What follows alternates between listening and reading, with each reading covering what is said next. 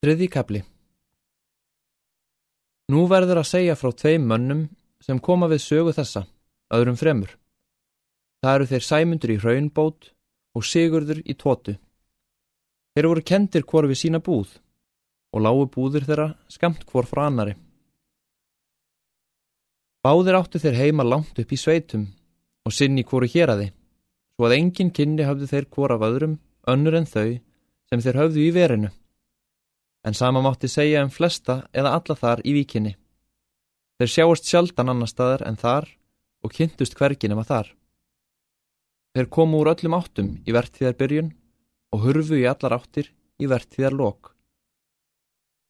Sigurður og Sæmundur hafðu kynst um nokkra vetur í Dreitvík en hvergi sérst þessa milli. Flest kynni þeirra hafðu farið miður en skildi. Báðir voru þeir formenn en því leiti líkt á komið fyrir þeim að þeir höfðu álíka stór skip og álíka miklu mannablá að skipa. Báðir voru þeir minniháttar útgerðarmenn og skip þeirra minni en margra annara. Samt sem áður var kvorugur þeirra eftirbátur hinna sem starri höfðu fleiturnar í sjósókn og ablasalda tiltölu. Báðir voru þeir harð vítvír sjómenn og þar sem nú svo líkt var á komið fyrir þeim að skipakosti og mannabla var það eðlilegt að þeir keftu hvor við annan. Samkeppnin var þá með tímanum harðari en góðu hófi gengdi og jáfnframt dróti töluvers kala þeirra á milli. Þegar hér var komið sögunni var Sigurður hættur sjósóknamestu, en Sigurður sonur hans tekin við formönskunni. Reri hann með bróður sínum er árni hétt og einum hásetta á litlu fjáramannafari. En Sigurður vannað aflanum í landi. Sæmundur stundaði aftur á móti ennþá sjóun og reri hann með sinni sínum uppkomnum sem Jón hétt og einum hásetta sem hétt Salomón og var kallaður Salomón nýtti vegna vakstarlíta. Einum manni var því fleira hjá Sigurði í tótu. Samt gekk allt heldur betur sæmundarmegin. Þetta sárnaði Sigurði og sónum hans en fengu ekki aðgert því að sæmundur virtist betur liðaður við þriðja mann en þeir við fjórða. Ekki voru þeir skaplíkir, sæmundur og sigurður og ekki voru þeir líkir í neinu þegar skip þeirra og útgerð var undanskilin. Sæmundur var heljarmennið að vexti og burðum en geðspakur og let lítið yfir sér. Hann var örlindur og greiðvikinn og kom sér vel við hvern mann í veiðstöðinni nema þá tótumenn. Skemtin var hann og gladvær, en þó hæglátur og talin var hann sjómaður með afbreyðum. Jón sonur hans var honum líkur að vexti og afli, en let meira yfir sér. Hann var örgæðja og reyttist illa, nokkuð ofstoppafengin og hafði gaman af að glettast til við menn, engum þá sem honum var kallt til fyrir. En það treysti hann karlmennsku sinni við hvern sem var að etja þar í víkinni og ég haf vel tvo eða þrjá af meðalmönnum þar. Engin þótti hann skýrleiksmaður, síst á við föðusinn. Þótti gaman hans stundum grátt og lít hugsað fyrir. Var hann ekki svo vinsæl manna á meðal sem fadir hans? Sigurður var þessum mönnum hardla ólíkur. Hann var lítill vexti, rýr og væskilslegur og nú komin á gamals aldur. Hann þótti nyrvill hinn mesti, svo að sagt var að hann týmdi ekki að geta. Hann hafði mikinn huga á því að græða fjö, þótti viðsjálf í viðskiptum og undirhyggjum í kvívetna. Gæðstyrður þótti hann og öfundsjúkur um fengsald annara. Var hann sívinnandi til þess að láta ekkert undan að ganga og oft út um nætur.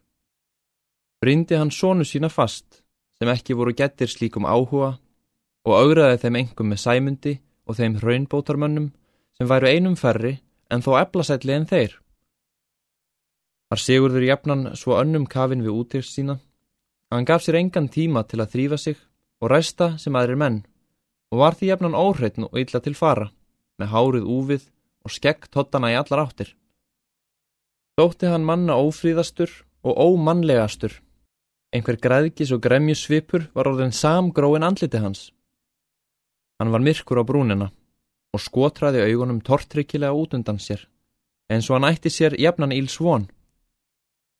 Allra manna var hann spjærhættastur en það varð hann ofta að kenna á hæðnimanna því að flestum var fremur kallt til hans. Oftast var einhver ólundar tóta á svip hans, en þegar hann glotti í hemdarhug, dróst tótan sundur til begja kinnana og grillti í tennutnar. Kom þá einhver dýrbíts svipur á andlitið.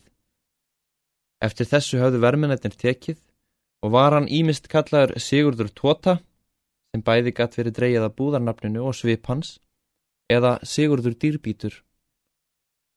Jekk hann ofta að heyra bæði nöfnin og gerði það ekki hug hans mýkri. Sýnir Sigurdar voru honum nokkuð ólíkir og báðir mannvanlegir menn. Sigurdur var full þroskaður en Árni var ennþá á unga aldri og ekki full séður.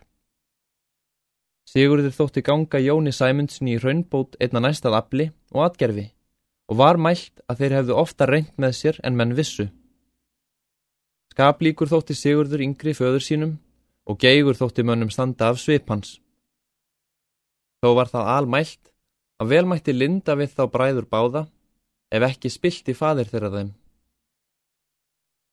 En einkennilegastur af öllum þessu mönnum var Salomón nýtti, hásetti hjá þeim hraunbótar feðgum.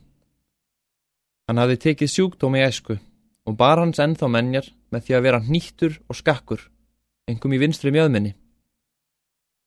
Þetta bagaði Salomón mjög á landi, en á sjó gerði honum það ekki mikið til og sjómaður var hann svo góður að öllum lík hugur á að ná honum á skipsitt, en það hafði hann mestan hluta æfisinnar verið á sjónum, var öllu vanur sem gera þurfti á skipi, þægur og lipur og nótinvirkur, svo að hann átti engan sinn líka. Ræðari var hann meiri en í meðalagi, þrátt fyrir vanheilsuna. Sýnarnar í handleikjunum á honum voru fyrir laungu orðnar reyndar og tegðar á árinni, svo að þær voru orðnar harðar og stæltar eins og fuggls sínar. Það var sem hann væri orðin veðurbarinn inn að beini, svo að kvorki inni á honum kuldin í bleita. Honum var aldrei mistægurt. Aldrei hikaði hann nýjum öglaði. Aldrei æðraðist hann, hvað sem að höndum bar. Meiri geðpríðismann þóttist enginn þekkt hafa. Venjulega var hann þegjandi og brosandi, ætið hýr og augun greindarleg og góðleg. Aldrei mælti hann orð fram í það sem aðrir töluði í kringum hann, nema á hann væri yrt en ætið gaf hann skýr og greið svör. Ætið reyndi hann að miðla málum og koma fram til góðs. Hann hafði verið mörg ár hjá þeim feðgum og var þeim báðum innilega kær og var þó fáum hentað linda svo við Jón að aldrei bæri út af. Nú var hann orðin þeim svo samgróin að svo var að sjá að hann mætti ekki án þeirra vera og þeir þaðan af síður án hans.